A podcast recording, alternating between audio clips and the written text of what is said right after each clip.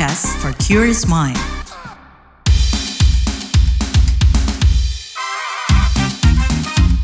What's Trending KBR Pagi, siaran pagi radio paling update. KBR Pagi, siaran pagi radio paling update. Selamat pagi. Apa kabar kalian semuanya di hari Senin 6 November 2023? Kembali lagi saya Don Brady menjadi teman pagi hari kalian semuanya di What's Trending KBR Pagi pastinya. Nah, Negara Plus 62 masih diramaikan kabar pemilu 2024 nih. Khususnya pencalonan ketiga bakal calon presiden dan bakal calon wakil presiden. Pasangan Anies Baswedan, Muhaimin Iskandar, Ganjar Pranowo, Mahfud MD, hingga Prabowo Subianto, Gibran Rakabuming, Raka sudah mendaftarkan diri ke Komisi Pemilihan Umum dan dinyatakan lolos tes kesehatan. Beberapa isu seperti ekonomi, penegakan hukum, berbagai pengalaman mereka sebagai pemimpin daerah atau pejabat negara udah mulai digembar-gembor. Gak lupa isu soal pelibatan milenial juga mulai disinggung secara mereka kelompok pemilih terbesar di pemilu 2024. 2024. Kalau kita ngomongin soal tahapan pemilu memang masih panjang sampai 14 Februari nanti. Masih banyak gagasan yang bisa digaungkan para calon-calon pemimpin negara ini. Tapi sejauh ini sudahkah isu lingkungan menjadi perhatian? Kita mau bahas setelah komentar netizen plus 62 berikut ini.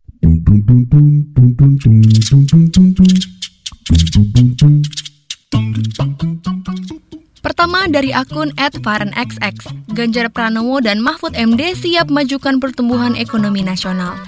@boysxx, pasangan Ganjar Mahfud menargetkan penurunan angka kemiskinan hingga tahun 2029.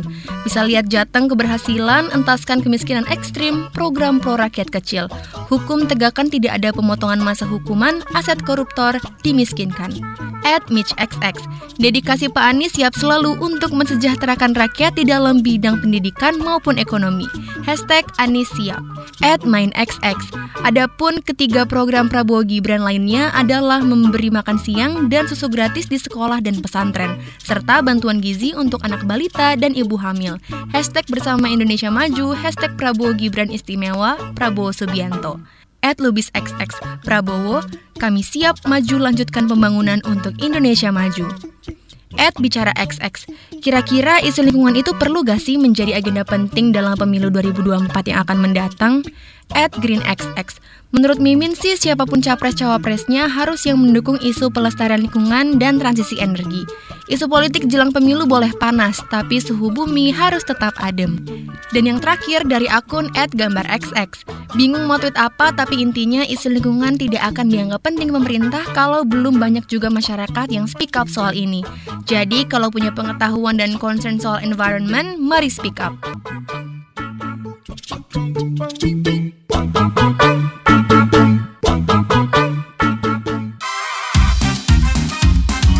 Trending KPR Pagi, siaran pagi radio paling update.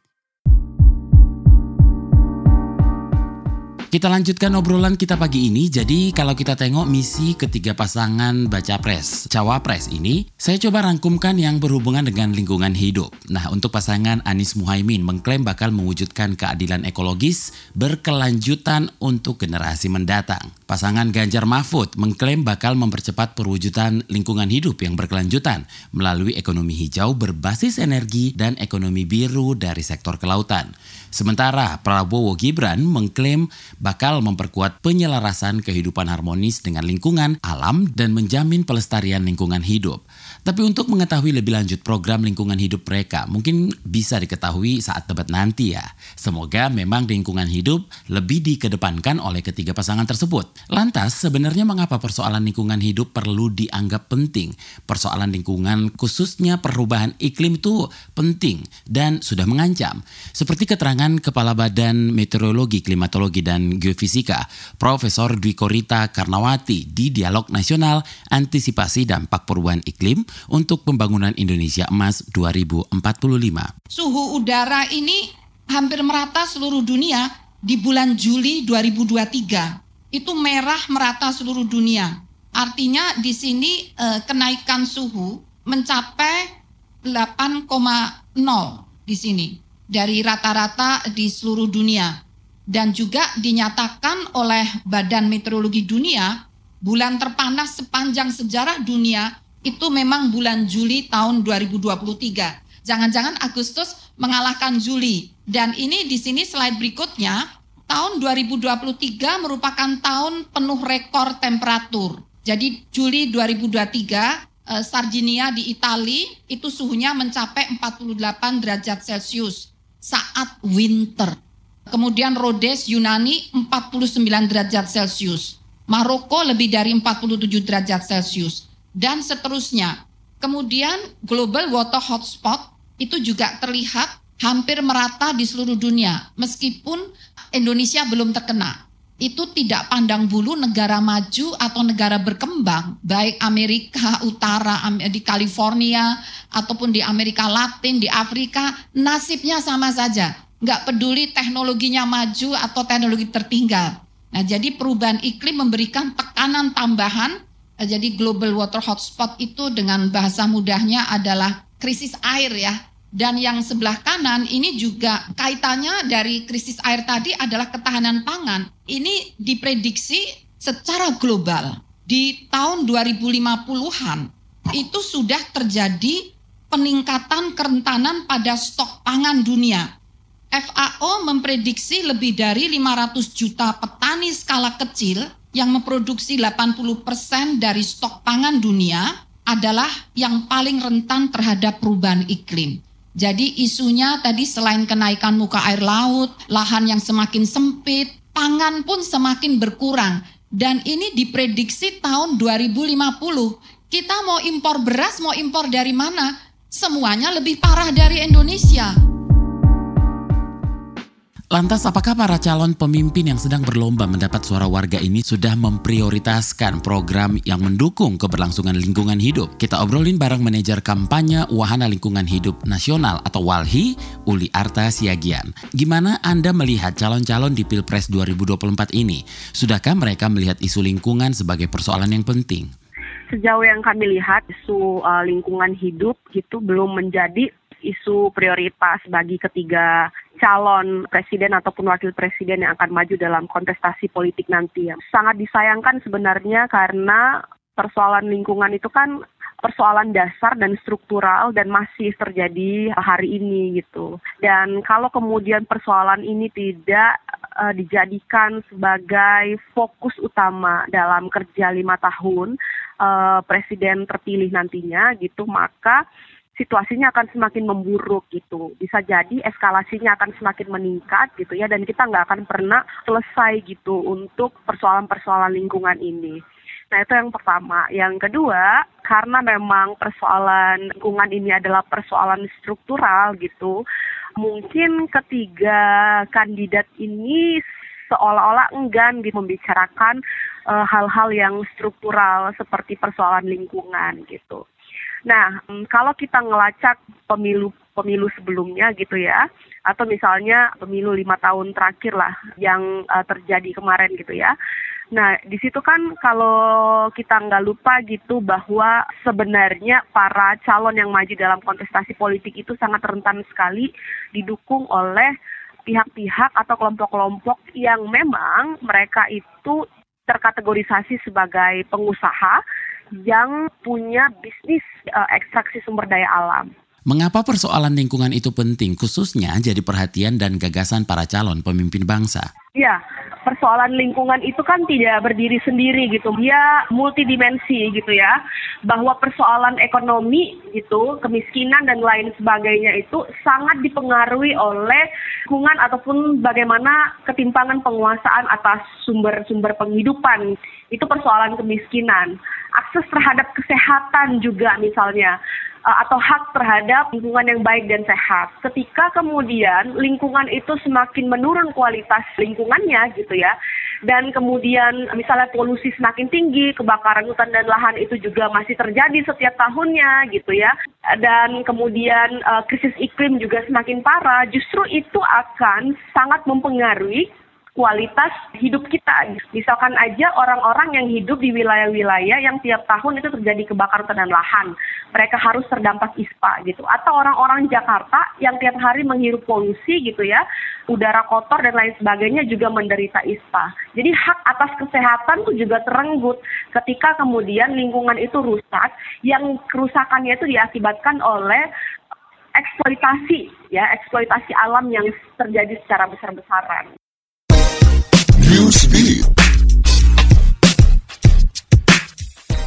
Nuklir makin digemari, harga uranium meningkat 55% sejak awal 2023. Melansir Reuters, COMEX mengungkap harga uranium di akhir Oktober 2023 mengalami kenaikan hingga 74,5 US dollar per pound atau kalau dirupiahkan sekitar 1,1 juta. Uranium adalah logam radioaktif yang secara luas digunakan untuk energi nuklir. Sejumlah analis menilai kenaikan harga uranium dilatari meningkatnya penggunaan nuklir khususnya di sektor energi dan terbatasnya cadangan uranium di dunia.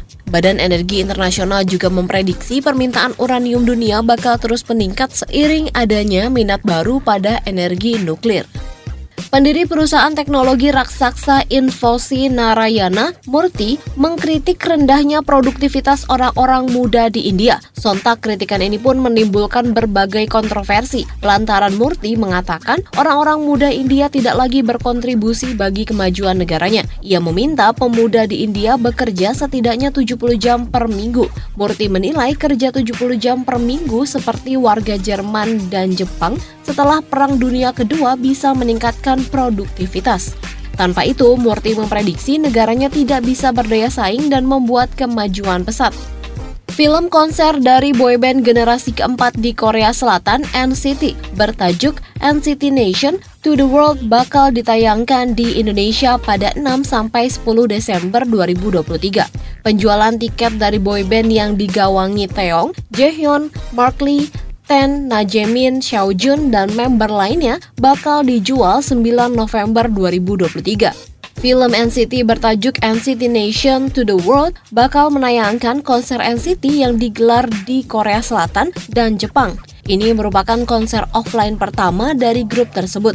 NCT Nation to the World bakal menampilkan seluruh member NCT dari beberapa unit, yaitu NCT U, NCT Illichil, NCT Dream, dan Wavy.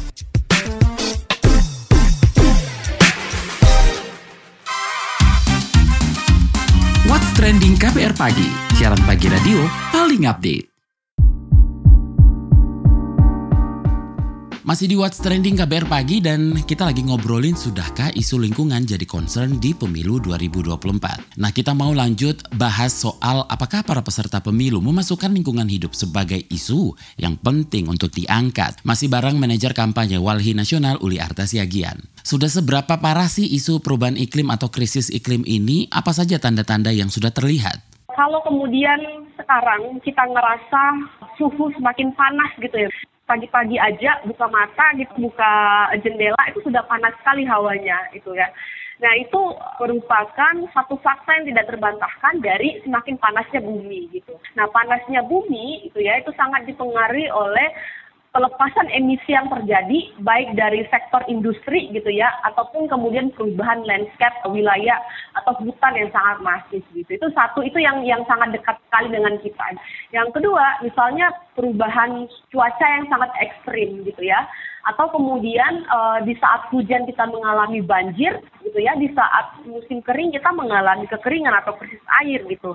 Nah itu juga fakta yang tidak terbantahkan dari krisis iklim gitu dan itu kemudian dibenarkan oleh laporan IPCC pada bulan April kalau nggak salah April yang menyatakan bahwa situasi bumi itu semakin buruk gitu ya dan kita itu kalau tidak berubah secara drastis dari model atau corak ekonomi kita hari ini, maka kita akan melampaui 1,5 derajat gitu ya. Dengan situasi industrialisasi yang ada saat ini, pembangkitan yang ada saat ini, gitu eksploitasi yang terjadi saat ini, kita itu bisa melampaui 1,5 derajat sudah nggak ada waktu lagi sebenarnya untuk merubah secara drastis model uh, ekonomi kita gitu ya model konsumsi kita gitu dan cara berpikir kita yang selalu meletakkan ekonomi itu dalam konteks ekonomi pertumbuhan yang kita nggak tahu batasannya itu apa gitu. Apakah isu politik, hukum HAM dan ekonomi lebih penting dari isu lingkungan sampai kurang jadi perhatian? Karena kenapa kemudian isu lingkungan menjadi terbelakang sedangkan isu ekonomi HAM dan lain sebagainya itu yang menjadi uh, isu yang masih dibicarakan oleh para ketiga kandidat karena mereka melihatnya secara parsial gitu. Mereka tidak melihat secara utuh. kalau memang benar-benar kita ngomongin soal krisis ekonomi gitu ya, kita harus melihat juga sebenarnya bagaimana ketimpangan kepemilikan agraria kita gitu ya. Karena semakin banyak pengangguran ya, dia berkorelasi dengan semakin banyak tanah-tanah yang sebelumnya dikuasai oleh masyarakat gitu ya, kemudian sekarang bergeser menjadi dikuasai oleh korporasi gitu karena kemudahan pemberian izin dan lain sebagainya pelanggaran HAM misalnya. Kalau kemudian masyarakat itu dirampas tanahnya gitu ya atau mengalami perampasan tanah itu sebenarnya bentuk dari pelanggaran hak asasi manusia gitu. Hak mereka atas tanah mereka gitu. Atau kemudian masyarakat yang hidup kita aja nih di Jakarta yang hidup di wilayah uh, berpolusi itu sebenarnya negara itu sudah melakukan pelanggaran hak asasi manusia kita, kita gitu ya hak untuk mendapatkan udara yang baik dan sehat gitu ekonomi juga begitu. Jadi kenapa seolah-olah terpinggirkan gitu persoalan lingkungan karena mereka tidak mau melihat secara holistik gitu ya. Dan bukan tidak mau saya pikir takut juga mereka membicarakan semua isu ini secara holistik dan itu semuanya berkaitan dengan uh, lingkungan dan uh, ruang hidup kita gitu agraria gitu. Gimana seharusnya calon pemimpin melihat persoalan ini? Ke depannya harus ada perubahan apa agar dampak perubahan iklim bisa ditekan? yang saya tahu situasi krisis hari ini sudah seharusnya sebenarnya uh, para ketiga calon presiden dan atau bahkan nanti ketika salah satunya sudah terpilih itu sudah harus meletakkan visi misinya bersandar pada keselamatan berbasis hak. Keselamatan siapa? Keselamatan rakyat dan keselamatan lingkungan gitu. Hak siapa? Hak rakyat dan hak atas lingkungan itu sendiri gitu jadi kita tahu bahwa dan kita semua membicarakan soal krisis gitu. Tapi solusi yang ada gitu ya atau kebijakan yang muncul justru sebenarnya kebijakan yang tidak menjawab krisis gitu ya, menambah krisis dan memperdagangkan krisis itu yang muncul gitu. Nah sehingga menurut kami penting untuk para ketiga kandidat ini dan siapa pun yang terpilih nanti membicarakan soal keselamatan gitu ya keselamatan rakyat keselamatan lingkungan berbasisnya apa berbasisnya hak hak rakyat dan hak lingkungan. Saya pikir itu yang paling terpenting untuk kemudian diletakkan menjadi satu pekerjaan utama uh, para calon dan yang terpilih nanti. Jika nanti isu lingkungan hidup jadi salah satu janji kampanye, bagaimana memastikannya agar terwujud? Ya pasti harus ditagi terus. Yang kedua itu kita juga harus rajin-rajin untuk melihat gitu ya sebenarnya yang mereka kerjakan ini apa sih gitu ya atau kemudian komitmen-komitmen yang mereka nyatakan itu dijalankan nggak sih gitu. Terima kasih manajer kampanye Wahana Lingkungan Hidup Indonesia Nasional Uli Artas Yagian.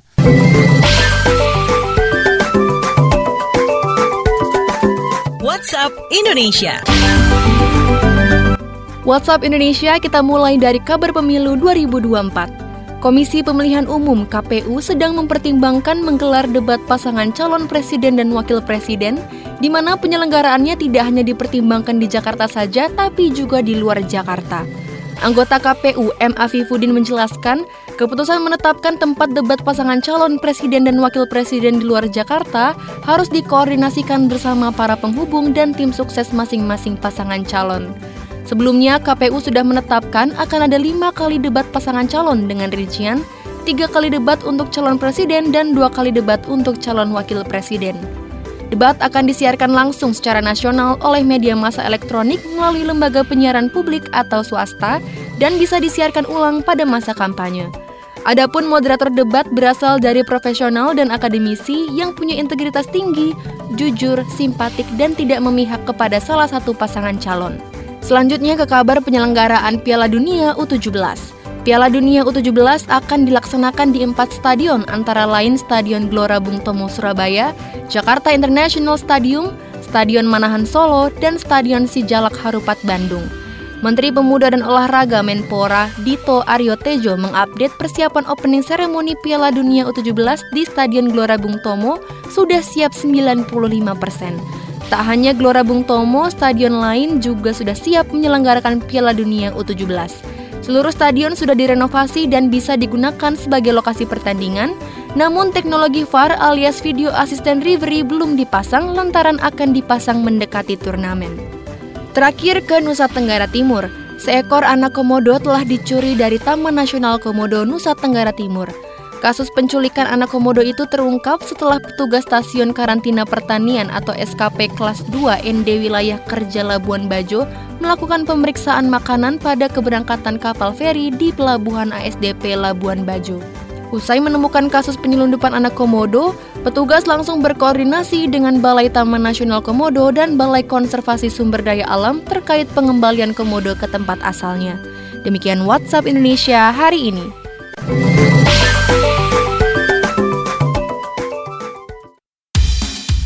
Terima kasih sudah mendengarkan What's Trending KBR Pagi. Jangan lupa tetap dengarkan podcast What's Trending di kbrprime.id dan di aplikasi mendengarkan podcast lainnya. Don't Brady pamit. Besok kita ketemu lagi. Stay safe. Bye-bye. What's Trending KBR Pagi. Siaran pagi radio paling update.